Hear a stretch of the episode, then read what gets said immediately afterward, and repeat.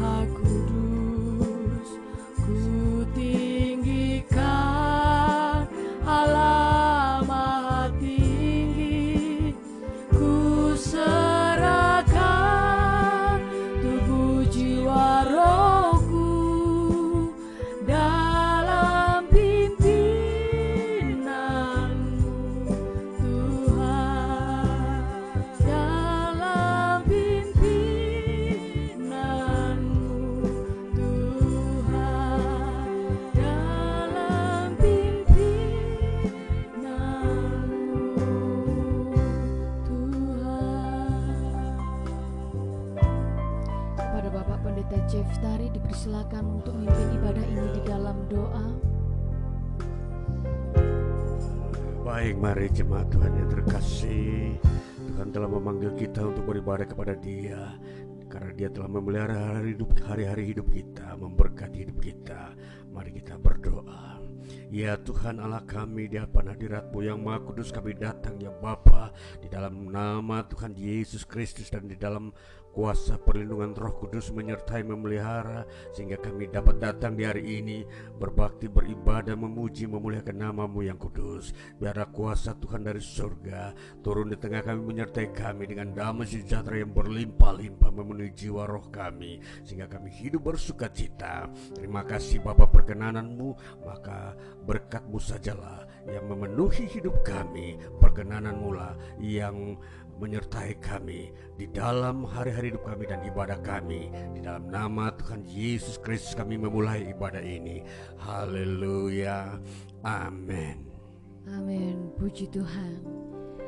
Hari-hari yang kita lalui adalah hari yang terbaik karena Yesus Kristus yang menepati janjinya untuk menyertai kita, bahkan Allah Roh Kudus memelihara hidup kita.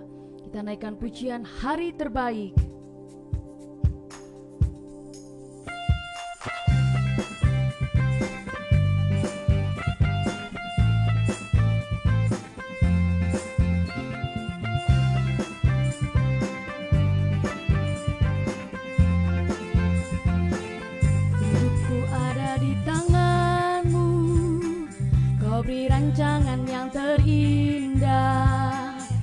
Hanya yang baik saja yang ku terima.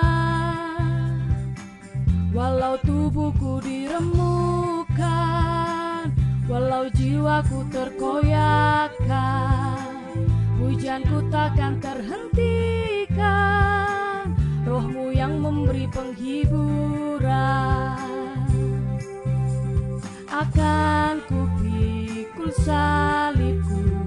Cukuplah kasih setiamu. Kau bertahan, kau kuatku.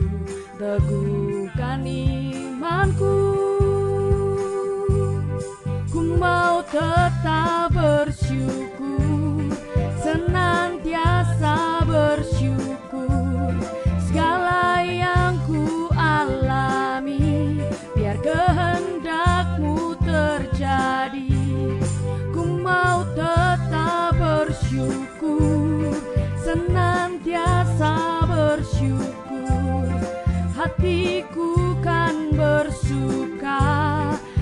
hari ini hari yang terbaik. Hidup kami ada di tanganmu Tuhan. Hidupku ada di tanganmu. Kau beri rancangan yang terindah. Tak hanya yang baik saja Yang ku terima. Walau tubuhku diremukkan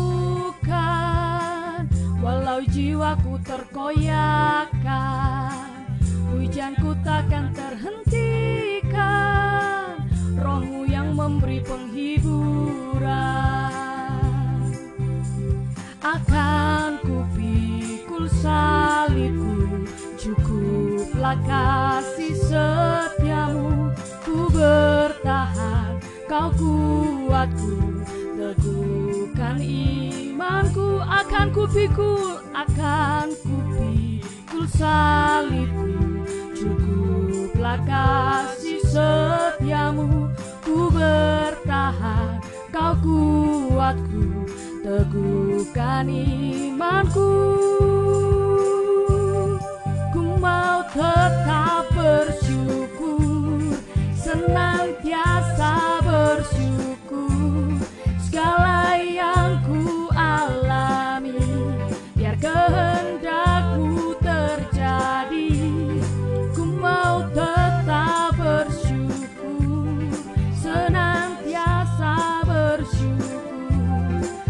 hatiku kan bersuka Sebab hari ini hari yang terbaik.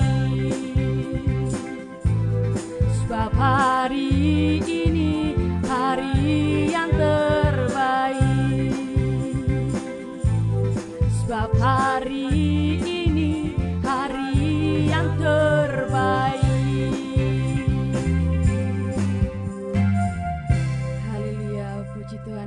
masih dalam pujian kepada Tuhan Yesus Kristus, kita mengatakan satu dua tiga bahwa Yesus Kristus dia penuh kasih, penuh hikmat, penuh kuasa, dia mulia. Haleluya.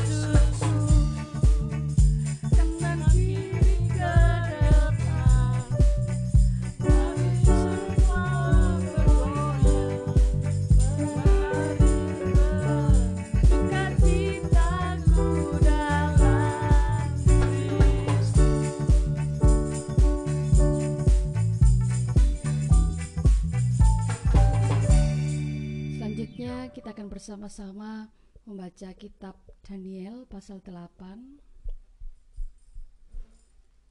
ayat 1 hingga 27.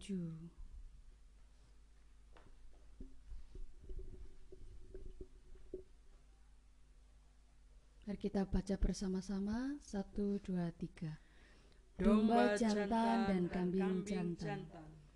Pada tahun yang ketiga pemerintahan Raja Belshazzar, nampaklah kepadaku Daniel suatu penglihatan sesudah yang tampak kepadaku dahulu itu.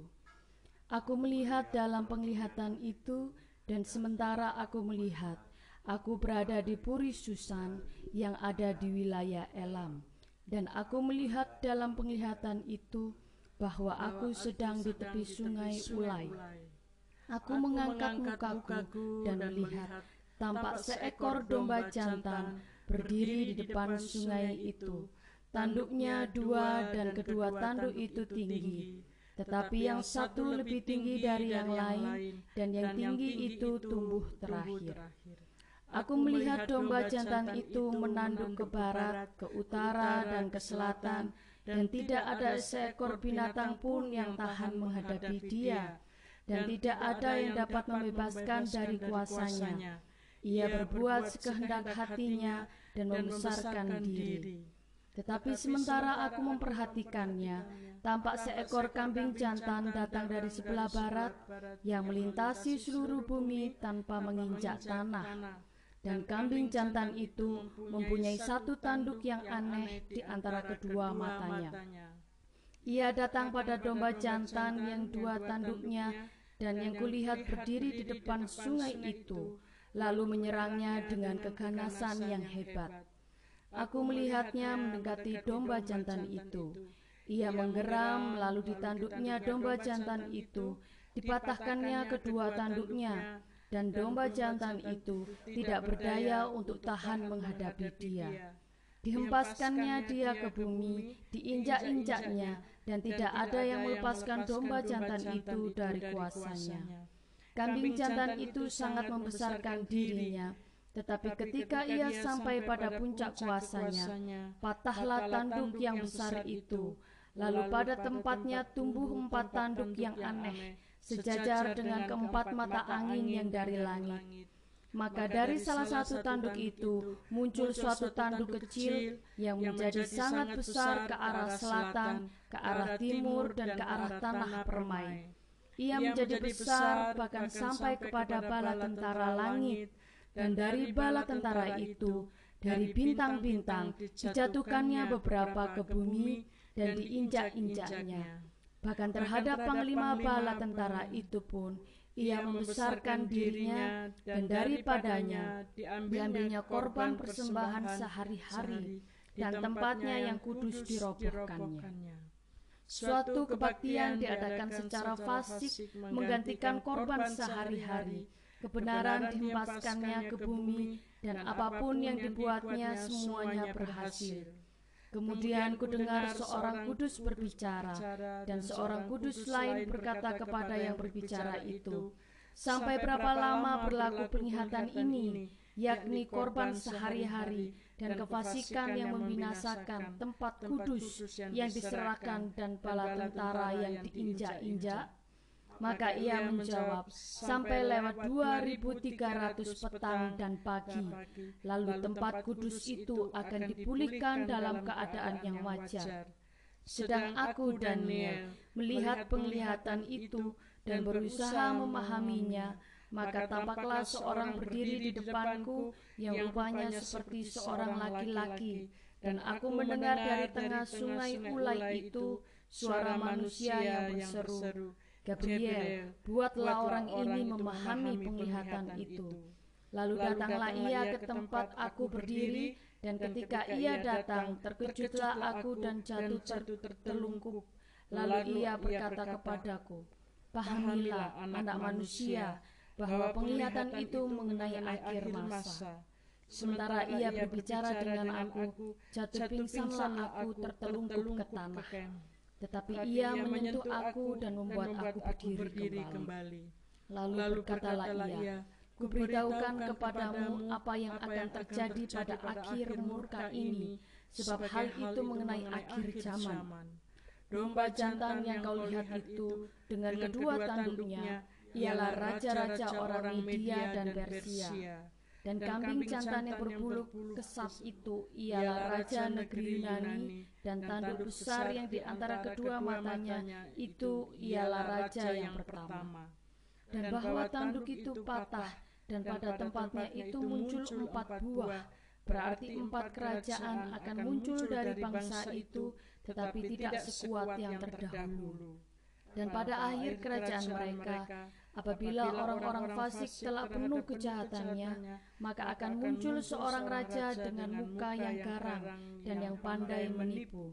Kekuatannya akan menjadi hebat, tetapi tidak sekuat yang terdahulu dan ia akan mendatangkan kebinasaan yang mengerikan dan apa yang dilakukannya akan berhasil. Orang-orang berkuasa akan dibinasakannya, juga umat orang kudus. Dan oleh karena akalnya, penipuan yang dilakukannya akan berhasil. Ia akan membesarkan dirinya dalam hatinya, dan dengan tak disangka-sangka banyak orang akan dibinasakannya. Juga ia akan bangkit melawan raja segala raja tetapi tanpa perbuatan tangan manusia ia akan dihancurkan. Adapun penglihatan tentang petang dan pagi itu, apa yang dikatakan tentang itu adalah benar. Tetapi engkau sembunyikanlah penglihatan itu, sebab hal itu mengenai masa depan yang masih jauh. Maka aku, Daniel, lelah dan jatuh sakit beberapa hari lamanya. Kemudian bangunlah aku dan melakukan pula urusan raja. Dan aku tercengang-cengang tentang penglihatan itu, tetapi tidak memahaminya. Demikian pembacaan kitab Daniel 8. Selanjutnya kita akan mendengarkan kesaksian dari Bapak Ibu. Mohon dipersiapkan kita sambut kesaksian dengan pujian Tuhan yang benar.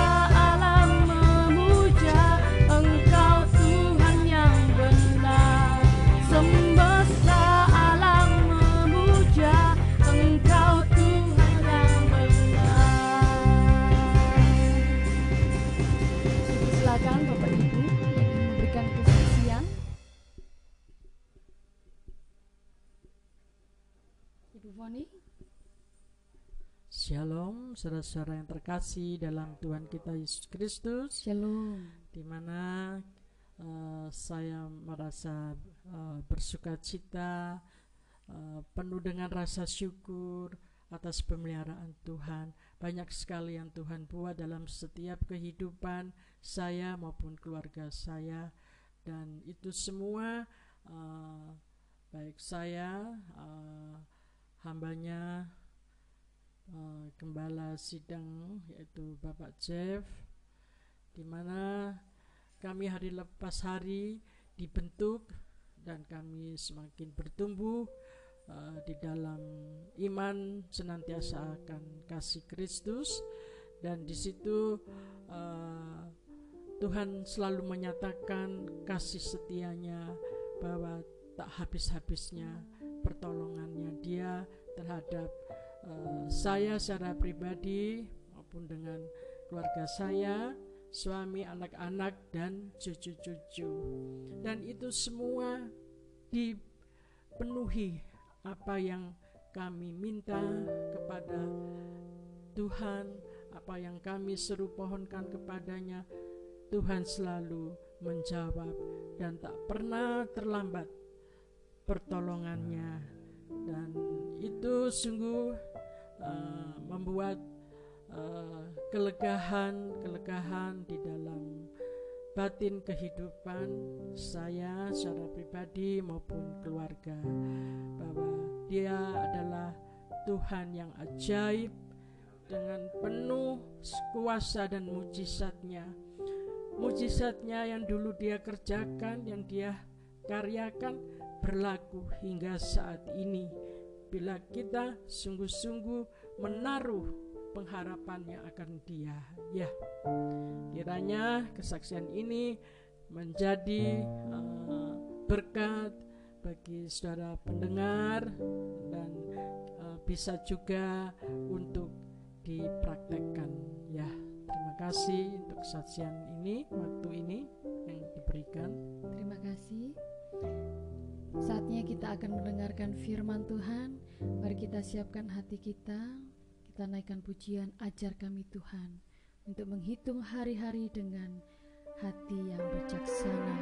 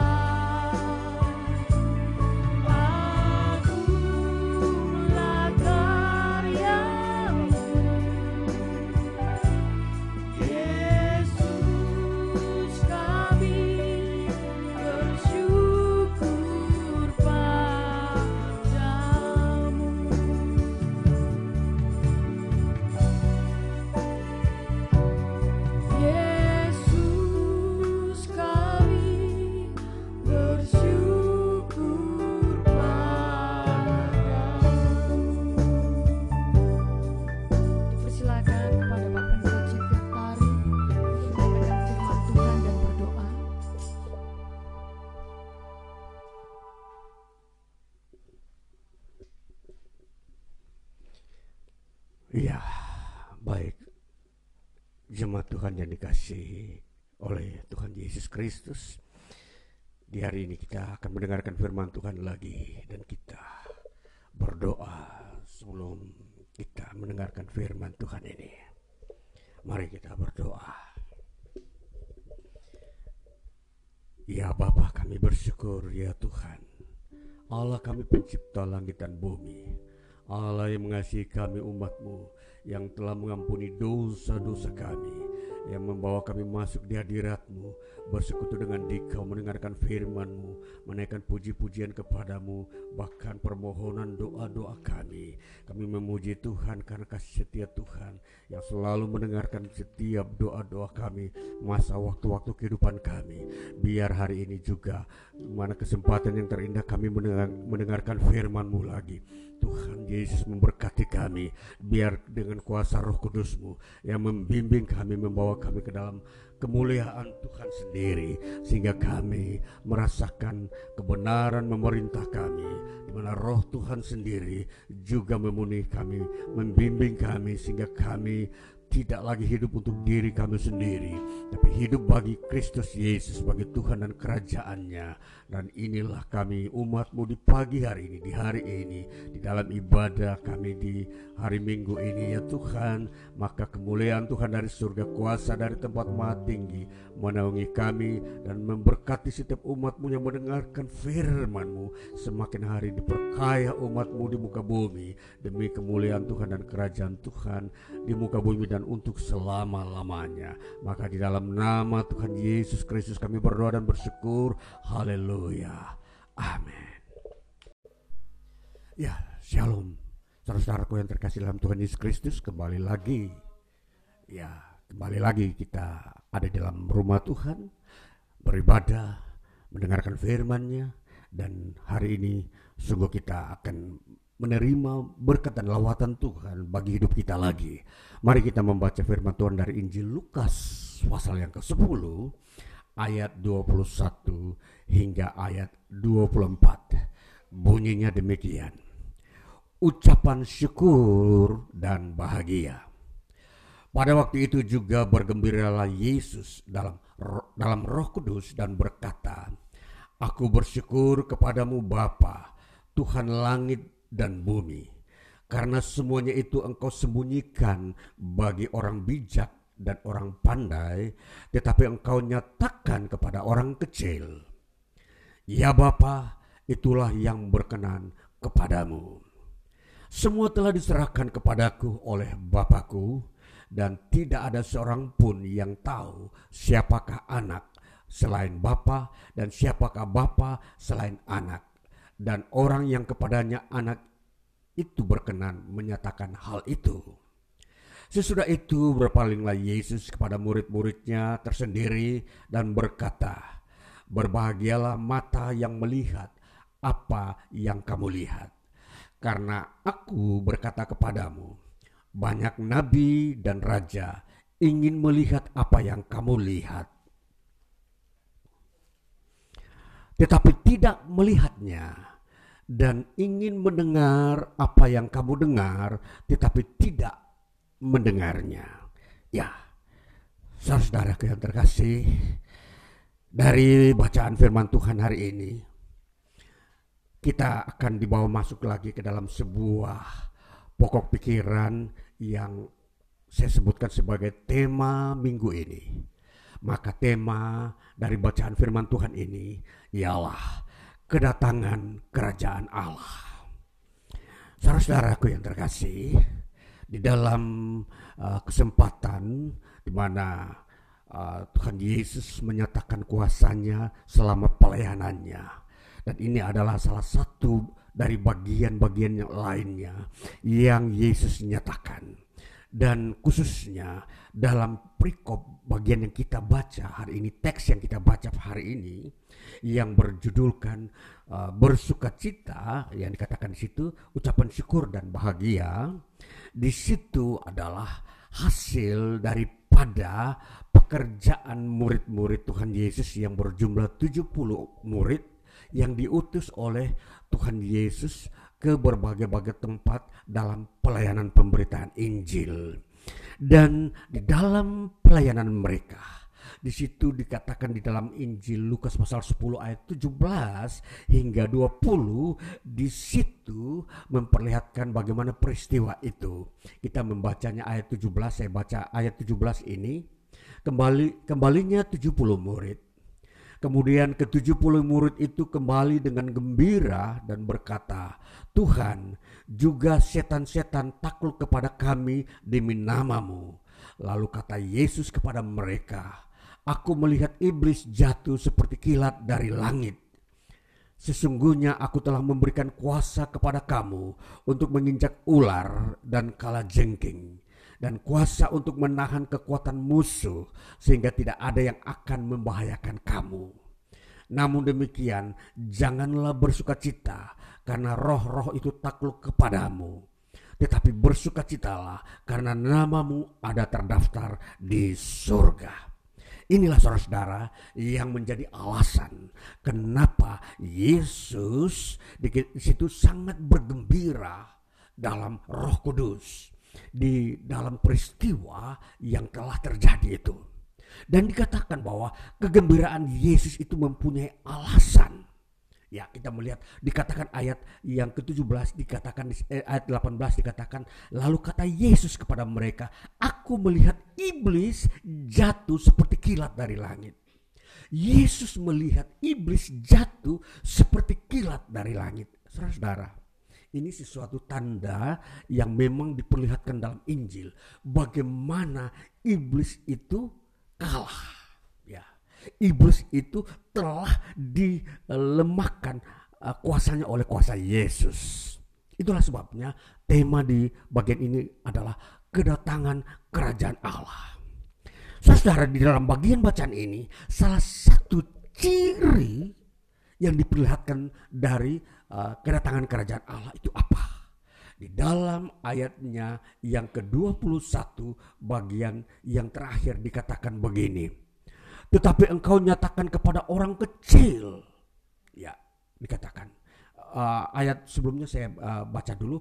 Aku bersyukur kepadamu, Bapa, Tuhan langit dan bumi, karena semuanya itu engkau sembunyikan bagi orang bijak dan orang pandai.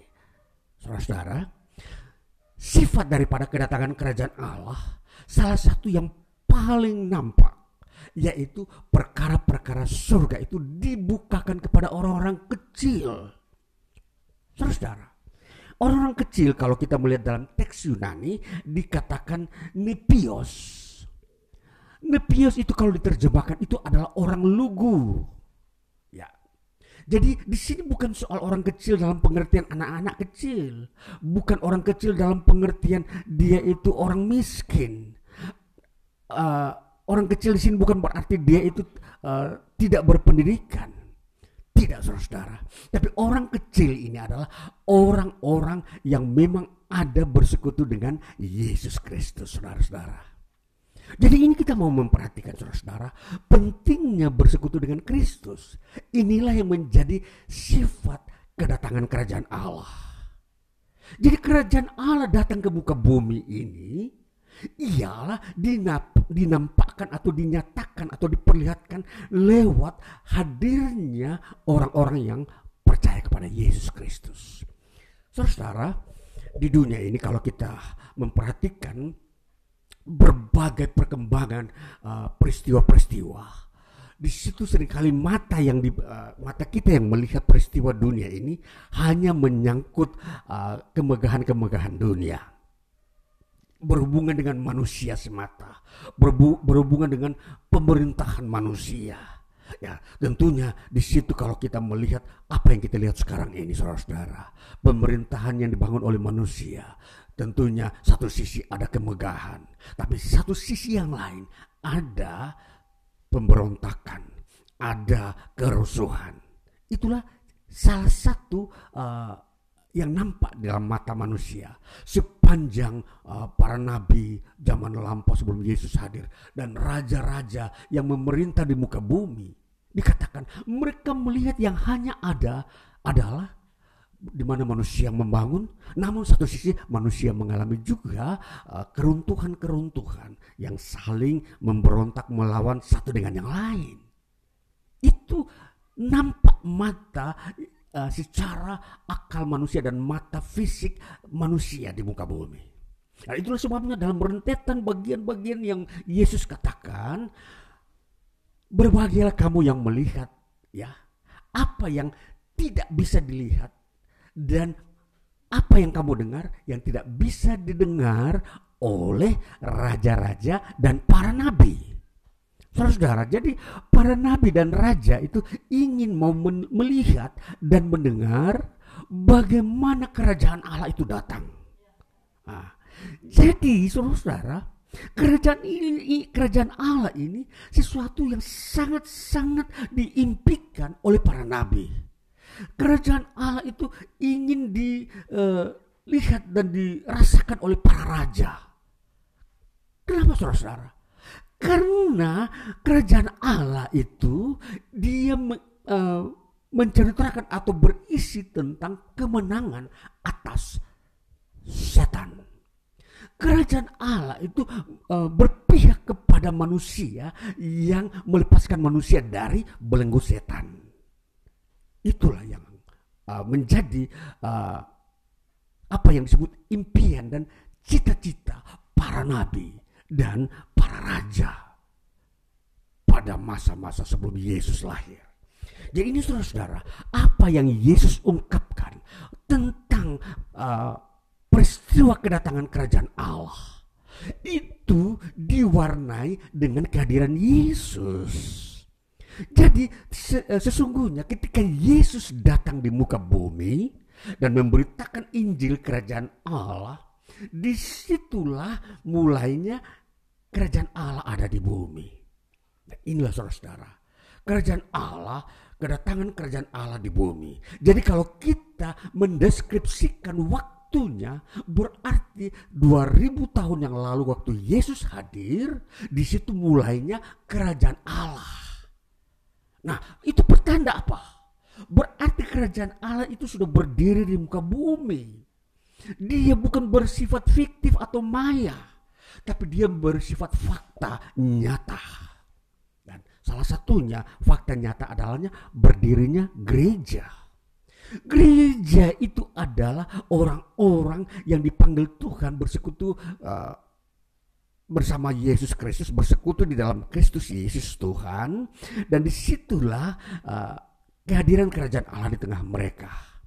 Nah, jadi saudara-saudara, kalau kita melihat bahwa kerajaan Allah sudah hadir di muka bumi, itu berarti usianya juga sudah mengikuti usia Masehi ini. Jadi kerajaan Allah itu uh, setelah Yesus hadir itu itu bersifat realistis, nyata namun saudara-saudara sebelum uh, sebelum Yesus lahir memang kerajaan Allah sudah hadir dalam bentuk benih melalui iman Abraham. Jadi ini kalau kita memperhatikan bahwa sesungguhnya yang dinantikan oleh orang-orang beriman yaitu bagaimana kerajaan Allah itu menjadi nyata di mana tokohnya di dalamnya yang membangun kerajaan Allah itu adalah Tuhan Yesus Kristus. Nah, ini saudara-saudara kita perhatikan. Jadi kalau kita ada di hari ini, sampai hari ini mendengar firman-Nya, bersekutu di dalam uh, orang-orang kudusnya yang telah mengalami pengampunan dosa, di sini saudara-saudara tahu, saudara-saudara ada di tengah-tengah kerajaan Allah. Jadi kerajaan Allah itu sudah dimulai di bumi. Ada saat ini. Dan itulah pendampingannya ada dalam melalui firmannya dan roh kudusnya dan bahkan perbuatan ajaib. Itu kerajaan Allah saudara-saudara. Jadi dengan kata lain bahwa kalau kita sudah melihat kerajaan Allah di bumi, maka tanda-tanda ajaib itu pasti nyata. Perbuatan Tuhan yang ajaib mujizat itu pasti ada. Jadi di sini kita sebagai orang percaya bersekutu dengan Yesus Kristus sudah harus mempunyai iman bahwa mujizat harus dan selalu bisa terjadi dalam segala waktu. Karena ini momentum kerajaan Allah. Kerajaan Allah itu hadir dengan kuasa. Kita melihat. Jadi kuasa inilah kuasa Yesus mematahkan kuasa iblis sehingga dikatakan iblis jatuh seperti kilat dari langit. Jatuh ke bumi. Seperti kilat saudara-saudara. Kalau saudara kita pernah melihat kilat saudara-saudara tahu bagaimana kilat begitu cepat uh, memancarkan cahayanya dan kegerakannya atau uh, uh, apa namanya percepatannya. Jadi jatuh begitu tiba-tiba tidak membutuhkan satu dua jam. Ketika kuasa Yesus dinyatakan di situ langsung iblis jatuh ke bumi. Jadi ini penyataan firman Allah.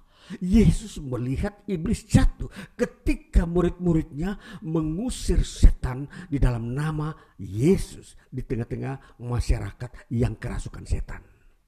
Ini saudara-saudara, ini yang menjadi catatan bagi kita bahwa kedatangan kerajaan Allah itu di antara orang-orang yang percaya.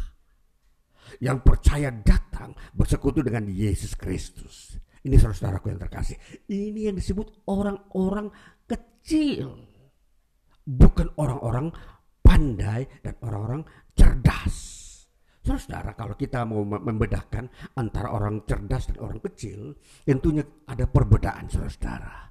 Orang-orang cerdas tentunya di situ selalu mengandalkan apa yang disebut logika manusia, ilmu pengetahuan manusia.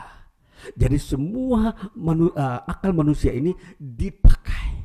Sedangkan orang-orang kecil apa yang dipakai? Dia hanya mengandalkan pengharapan iman percayanya kepada Yesus. Jadi Yesuslah menjadi uh, sumber utama terjadinya kuasa. Jadi Yesus datang membawa kuasa, bukan membawa ilmu pengetahuan. Saudara-saudara, banyak tokoh ilmu pengetahuan di dunia ini yang menciptakan ilmu-ilmu pengetahuan seperti Newton, dia menciptakan ilmu energi.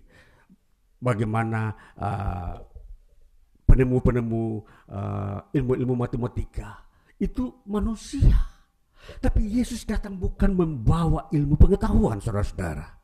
Yesus datang membawa supaya ada iman di antara manusia bahwa itulah kerajaan Allah. Jadi kerajaan Allah itu hanya berhubungan dengan iman.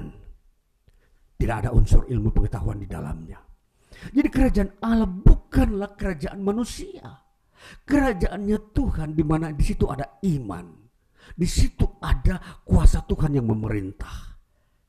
Jadi tentunya kalau kita memperhatikan kerajaan Allah seperti ini, maka saudara-saudara perhatikan bahwa di situ kuasa Tuhan yang berdaulat atas segalanya teristimewa terhadap setan yang telah memperbudak manusia. Setan telah uh, mengambil harkat hidup manusia sehingga manusia tidak berdaya untuk hidup bersekutu dengan Tuhan. Inilah yang dikalahkan. Jadi kerajaan Allah datang bukan mau mengajarkan bagaimana percaya kepada Yesus tapi kerajaan Allah datang menyatakan kuasanya sungguh-sungguh bahwa iblis dikalahkan. Itu kuasa saudara-saudara. Jadi bukan teori.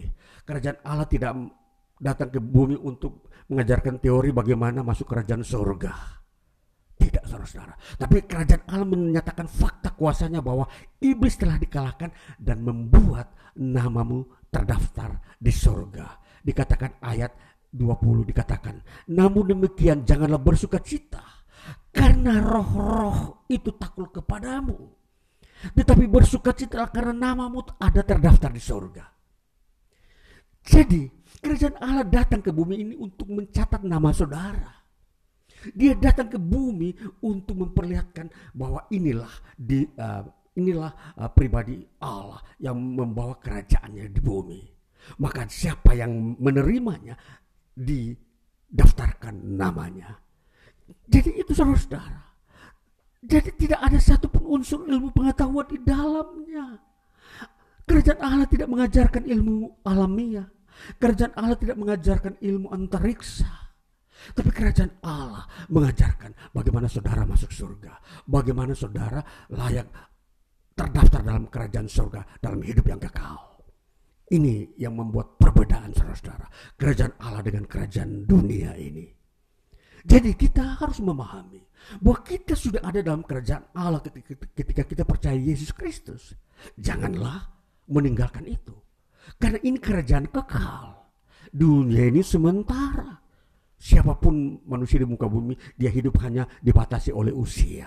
Setelah itu, dia akan menuju kepada dunia kekekalan. Jadi perhatikan, berarti kerajaan Allah itulah yang diutamakan daripada kerajaan dunia. Ini yang harus kita harus perhatikan. Jadi kita memperhatikan bahwa dikatakan bahwa orang-orang kecil inilah yang telah melihat peristiwa kerajaan Allah. Nah, kalau kita melihat peristiwa kerajaan Allah yang dilihat, itu berarti kerajaan Allah itu dapat uh, dirasakan atau dilihat oleh orang-orang yang percaya ini. Jadi kita tidak boleh bisa dipalsukan oleh para pengajar-pengajar sesat yang mengajarkan bahwa kerajaan Allah ada di utara, ada di selatan, ada di berbagai-bagai penjuru dunia. Tidak ada saudara-saudara. Itu ilmu pengetahuan manusia. Karena kerajaan Allah hanya satu, yaitu ketika kamu percaya kepada Yesus Kristus, di situ kamu sudah mendapatkan kerajaan Allah. Nah, jadi ini saudara-saudara. Jadi ini yang menjadi kunci untuk pemahaman bagi kita. Bahwa mencari kerajaan Allah tidak ada di tempat lain. Hanya dalam Yesus Kristus. Karena dia sudah datang membawanya di tengah dunia. Dan tinggal diwujudkannya pada masa kekekalan. Dan ini saudara-saudara, berbahagialah saudara-saudara yang hari sampai hari ini telah percaya kepada Yesus Kristus. Saudara telah berada dalam lingkungan kerajaan Allah. Ada damai sejahtera. Itulah sebabnya ketika ada masalah di bumi ini, janganlah engkau menggerutu. Ketika ada krisis di bumi ini, janganlah engkau uh, menyesali kehidupan saudara yang telah ada dalam kerajaan Allah. Punya iman, nantikanlah perbuatan mujizat Tuhan karena di dalam kerajaan Allah yang ada hanyalah kuasa Tuhan. Mujizat. Tidak ada yang lain. Jadi perhatikan saudara-saudara, ciri-ciri karakter kerajaan Allah ialah kuasa Allah yang memerintah di dalamnya. Bukan manusia yang memerintah. Jadi kalau Allah yang memerintah dalam kerajaannya di tengah umatnya, maka saudara tahu yang Allah kerjakan itu berdasarkan kuasa Allah, bukan manusia. Tidak ada satupun yang dikerjakan manusia dalam kerajaan Allah. Tidak ada satupun. Bahkan setan tidak bisa mengerjakan satu pekerjaan sekecil apa pun dalam kerajaan Allah. Setan tidak mempunyai uh, otoritas di dalamnya. Maka gereja adalah lingkungan di mana kerajaan Allah ada. Kuasa Allah nyata. Jadi ini saudara-saudara jadi kalau saudara ada dalam lingkungan kerajaan Allah dalam gereja, ada mujizat, itu tanda-tanda tanda-tanda bahwa Allah sedang bekerja. Dengan karunia-karunia, saudara dikaruniai mujizat kesembuhan, saudara, saudara dikaruniai berbahasa roh, saudara dikaruniai untuk memimpin, saudara dikaruniai untuk uh, mengusir setan. Itu bagian-bagian tanda-tanda bahwa kuasa Allah yang bekerja, bukan ilmu pengetahuan. Tidak ada ilmu pengetahuan yang bisa mengerjakan hal-hal seperti ini.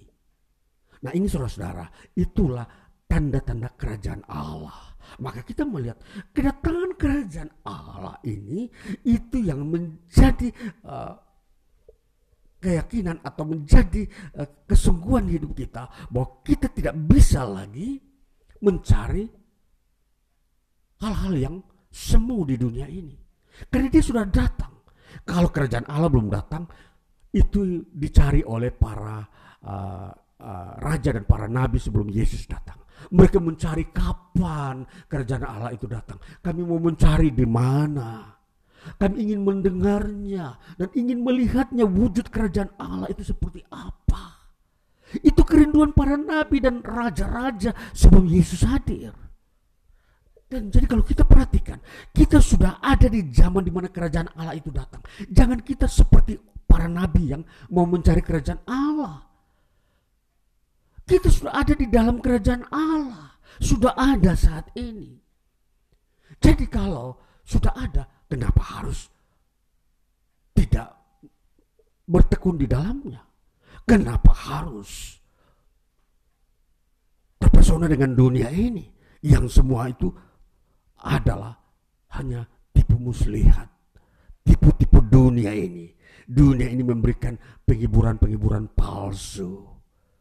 Itu tidak bisa dibandingkan dengan kerajaan Allah. Jadi saudara-saudara, walaupun di dunia di seluruh dunia ini uh, hiruk pikuk dan penuh dengan sorak-sorai dengan hari-hari tahun-tahun yang mereka rayakan. Kita tidak perlu mau mengambil se secercah uh, kebahagiaan itu. Kebahagiaan sudah melimpah dalam Kristus. Kita tidak perlu lagi uh, mencari obat-obat penenang, uh, mencari narkoba untuk membuat uh, jiwa kita bersorak-sorai. Tidak perlu. Orang di dalam kerajaan Allah tidak dipengaruhi oleh semua yang dari dunia. Perhatikan. Jadi dikatakan kuasa itulah yang membuat kita bersuka cita. Maka perbandingan yang kita lihat dengan mata kita saat ini, kita sudah melihat bahwa damai sukacita itu sudah ada di dalam kerajaan Allah yang kita tinggal sekarang ini. Di dalam hati kita sudah ada damai sejahtera.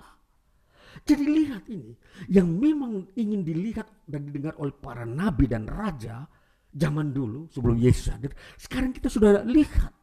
Jadi kita yang berbahagia kalau kita memperhatikan apa yang menjadi kesaksian Yesus di dalam pernyataannya bahwa apa yang kita lihat saat, saat ini itu sesungguhnya dicari oleh para nabi sebelumnya.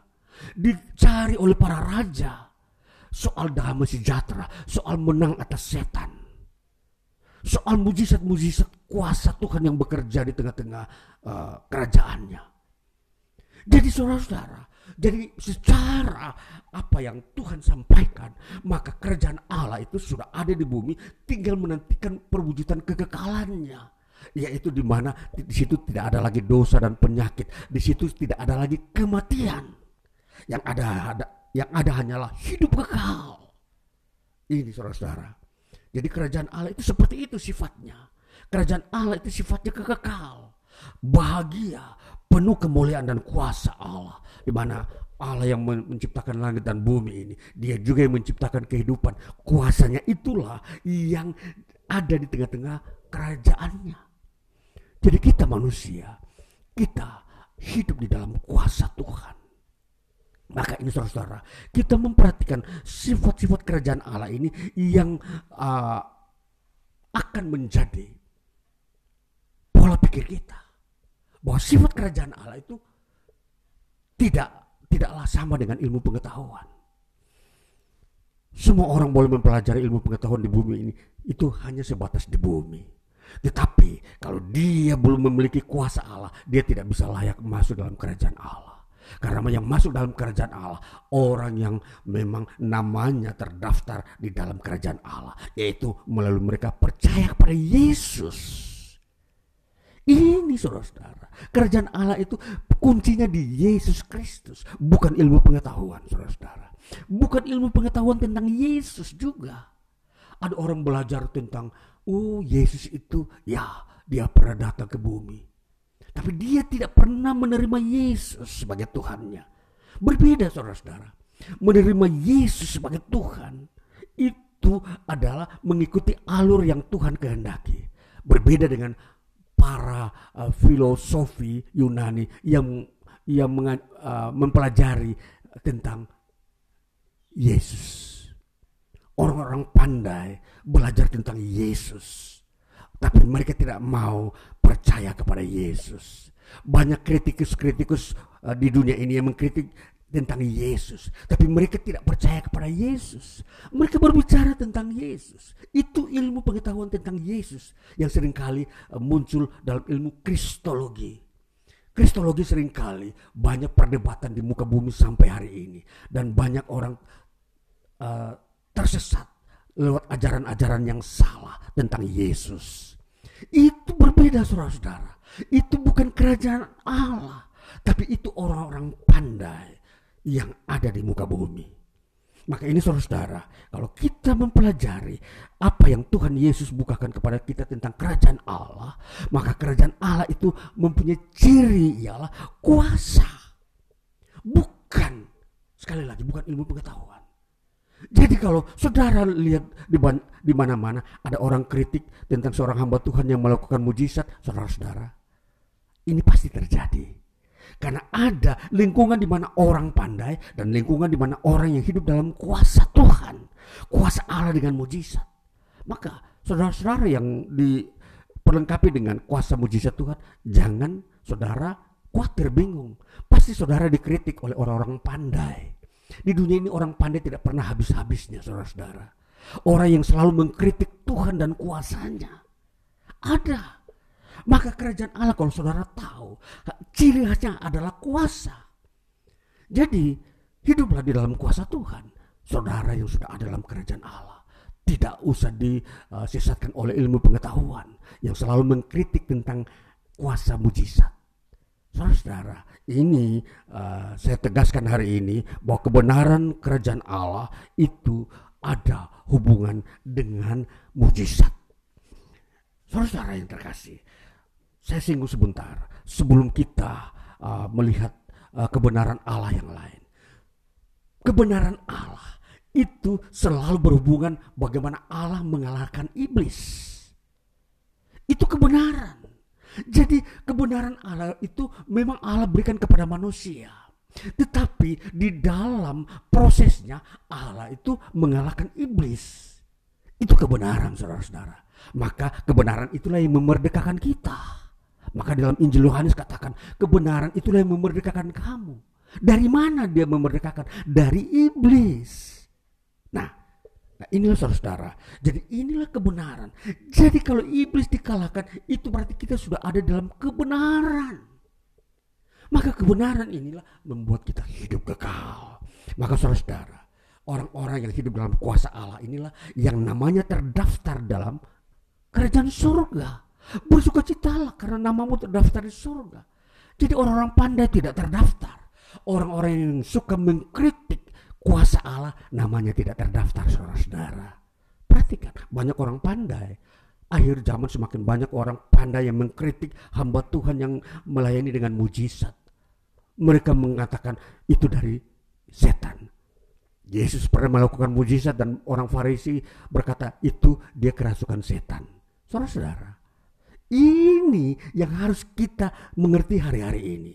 Supaya kita tidak disesatkan oleh orang-orang pandai. Sebenarnya orang yang menyesatkan manusia di sini sebenarnya siapa? Orang-orang pandai, orang-orang cerdas yang penuh dengan ilmu pengetahuan yang selalu menyangkali kuasa Allah. Allah mengampuni dosa, dikatakan tidak ada pengampunan dosa. Allah membangkitkan orang mati, dikatakan tidak ada kebangkitan orang mati. Ini saudara-saudara, orang-orang pandai selalu menentang Tuhan dan firman-Nya mereka tidak terdaftar namanya dalam kerajaan surga. Jadi ikutlah Tuhan kalau saudara ingin nama saudara terdaftar dalam kerajaan surga. Ikutlah Injil, firmannya. Saudara, nama saudara terdaftar. Itulah yang dikatakan oleh Tuhan Yesus. Berbahagialah kamu. Bukan karena kamu telah mengalahkan setan, tapi namamu terdaftar dalam kerajaan surga. Ini saudara perhatikan. Jadi kalau kita mau melihat uh, seluruh uh, sifat kerajaan Allah ini, maka mari kita melihat dalam Wahyu 22 ayat 3 dikatakan di situ kitab Wahyu 22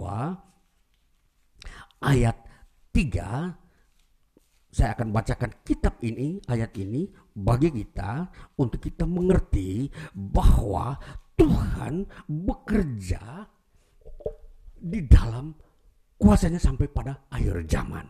Jadi sebelum Yesus datang, itu selalu ada mujizat.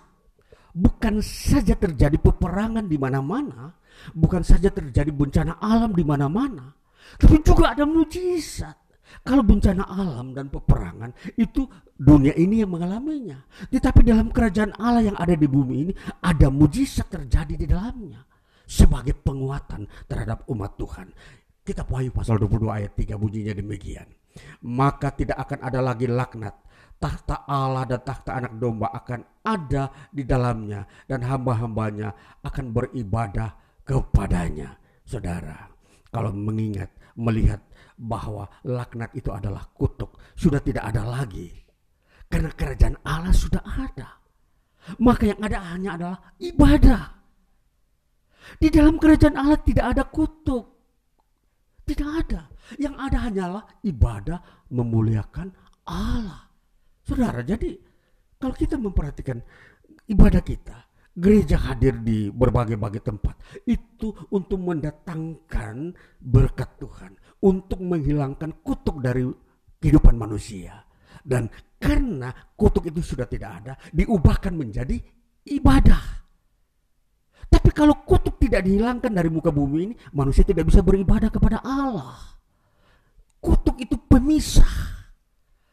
Jadi sifat kedatangan kerajaan Allah itu untuk menghancurkan laknat atau kutuk. Dan membuahkan ibadah. Itulah sifat kerajaan Allah. Jadi kalau di dunia ini ada ibadah itu pertanda bahwa kutuk sudah dikalahkan dan kita beribadah kepada Tuhan. Itulah karena kerajaan Allah sudah datang. Maka ini saudara-saudara, perhatikan. Jadi apa yang terjadi sampai hari ini ibadah itu adalah karyanya Tuhan, bukan manusia. Saudara datang ke datang ke tempat ibadah itu karena Tuhan menghendakinya. Itu Tuhan sedang bekerja. Semakin banyak Tuhan memanggil orang untuk beribadah kepada Dia sebelum datang hari yang dinanti-nantikan hari kekekalan. Saudara-saudara, generasi ini dan seterusnya kita akan melihat semakin banyak orang yang bertobat, meninggalkan dosa karena memang kerajaan Allah sudah ada dan kerajaan Allah ini kuasanya mematahkan kuasa iblis yang selalu uh, mengutuk manusia, membuat manusia menderita di muka bumi. Inilah mujizat saudara-saudara. Jadi ini saudara-saudaraku yang terkasih, kesimpulan daripada akan uh, firman Tuhan yang kita terima hari ini bahwa saudara yang sudah percaya kepada Yesus Kristus, saudara sudah ada dalam kerajaan Allah dan lihat kuasa Allah terus bekerja, mujizat itu akan terjadi tengah hidup saudara. Iman, percaya, itulah yang menjadi jaminan firman Tuhan, bukan ilmu pengetahuan. Jadi di dalam kerajaan Allah yang ada hanya Allah, yang ada hanyalah kuasa Allah yang bekerja, bukan ilmu pengetahuan. Karena ilmu pengetahuan itu dari manusia, untuk manusia. Tetapi uh, kerajaan Allah dari Allah dan demi kemuliaan Allah di tengah hidup manusia. Ini saudara-saudara perbedaannya. Jadi kesimpulan kita tinggallah di dalam kebenaran Allah yaitu kuasa yang memerintah di dalam kerajaan Allah di muka bumi ini. Tuhan Yesus memberkati. Haleluya. Amin. Baik, mari saudara-saudaraku terkasih kita masuk di dalam doa kita, doa syafaat kita lagi di dalam uh, memasuki hari-hari ini bahwa kita berperanan sebagai uh, wakil Tuhan di bumi ini untuk mendoakan akan segala peristiwa-peristiwa di dunia ini agar kerajaan Allah memerintah sepenuhnya. Mari kita berdoa. Kami bersyukur Bapa. Di tempat ini kami berdoa dalam nama Yesus supaya kuasa Tuhan melalui Injilmu bahwa kuasa Tuhan bekerja memerintah dalam kerajaan Allah bukan ilmu pengetahuan maka hari ini kami melihat kuasa Tuhan yang bekerja kuasa Tuhan yang menyatakan kebenaran kebenaran kelepasan manusia dari uh, belenggu-belenggu setan iblis supaya manusia hidup dalam damai manusia hidup keluar dari kutuk yang uh, melanda hidup manusia karena dosa, karena keterikatan manusia dengan iblis. Itulah sebabnya kami bersyukur firman Tuhan hari ini meneguhkan kami dan membawa kami melihat terang Tuhan di dunia ini. Bahwa di dunia ini kerajaan Allah telah datang. Kerajaan Allah melalui firman-Mu. Di dalamnya ada uh, umatmu, orang kudusmu yang menyembahmu beribadah. Kerajaan Allah menghadirkan ibadah di muka bumi dan mendaftarkan nama-nama orang yang akan masuk dalam kerajaan surga ke kekekalan. Terpujilah Bapa Tuhan yang penuh kasih dan kuasa. Maka hari-hari ini kami berdoa supaya supaya hari-hari ke depan, besok dan seterusnya dalam minggu-minggu ini kami hidup dalam kuasa Tuhan. Kami uh, melepaskan uh, segala tipu daya setan, segala tipu-tipu dunia yang menyesatkan dari lingkungan kehidupan kami. Kami tolak dan hancurkan. Kami berdoa Tuhan memberkati, terus kuatkan umatmu, jemaatmu yang masih muda yang ingin mengenal firmanmu, supaya mereka tahu bahwa mereka adalah warga kerajaan Allah. Mereka harus menerima firman Kristus, menerima pribadi Kristus, tidak hanya sebatas mengetahui. Itulah sebabnya Tuhan kami bersyukur, maka prinsip firmanmu memerintah hidup manusia karena kuasa Tuhan telah nyata, kuasa Tuhan telah terbentuk di muka bumi. Kami berdoa berkati pemberitaan firman-Mu berkati umatmu yang bekerja baik di dalam rumah tangga di, di dalam pekerjaan mereka di mana mereka berada di dunia pemerintahan dan swasta dan wira swasta. Berkati sehingga tersebar kasih Tuhan terang Tuhan. Dan juga uh, lingkungan-lingkungan di mana kami tinggal dan berada. Berkati kami, bangsa kami, kota di mana kami tempati. Tuhan memberkati supaya semakin banyak orang diberkati Tuhan. Semakin banyak orang dilepaskan dari belenggu-belenggu setan dan kuasa kegelapan. Kuduskan kami. Kami mempersiapkan hari-hari hidup kami untuk menyambut hari kedatangan Tuhan, kerajaan Tuhan yang kekal. Berkati dan sembuhkan buat mujizat terus menerus sebelum Yesus datang kedua kali. Selalu terjadi mujizat mujizat, mujizat dan mujizat. Karena itu otoritas kerajaan Allah di muka bumi supaya manusia melihat bahwa Allah turut bekerja mendatangkan keselamatan, melepaskan manusia dari penderitaan dan kegelapan di dunia ini. Kami bersyukur Tuhan karena Engkau berkenan memberkati. Berkati kami. Hari ini umatmu, ibu-ibu rumah tangga mereka sudah pensiun diberkati. Mereka dikuatkan dalam iman, bersekutu, memiliki iman. Mereka bertumbuh, mereka bukan sekedar hanya mendengar, tapi mereka hidup di dalam kuasa Tuhan. Mereka memiliki iman di mana mereka akan berdiri kuat menghadapi segala tipu daya, tekanan kegelapan dunia yang gelap. Tuhan terima kasih kuduskan kami. Maka berkatmu memenuhi kami, maka engkau sendiri hari ini memberkati kami, mengangkat kami, memimpin kami sepanjang hari hari hidup kami ke depan. Dan kami akan melihat hanya damai sejahtera, terang Tuhan kemuliaan dan kemenangan hidup kami. Terus menerus sampai pada kesempurnaannya.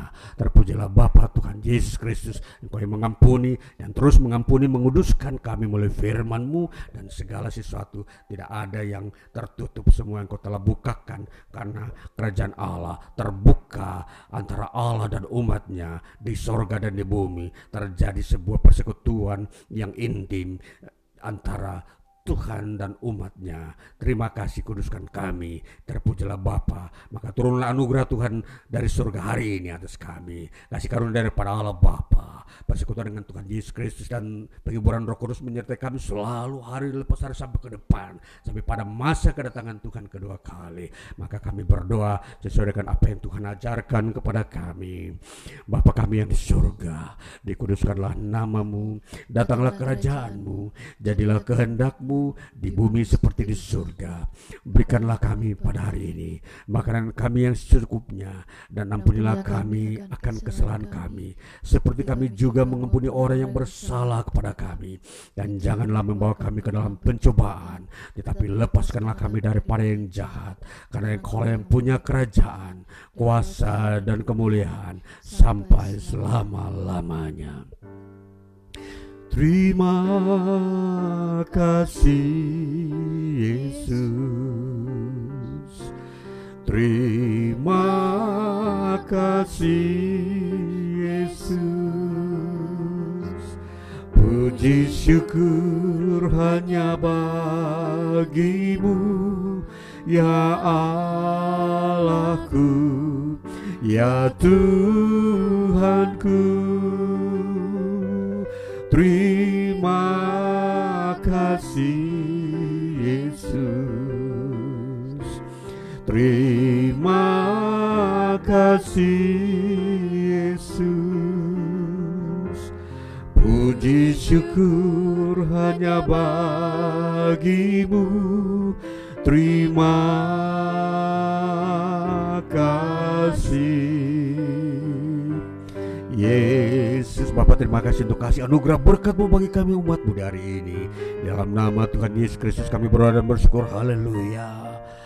Amin. Puji Tuhan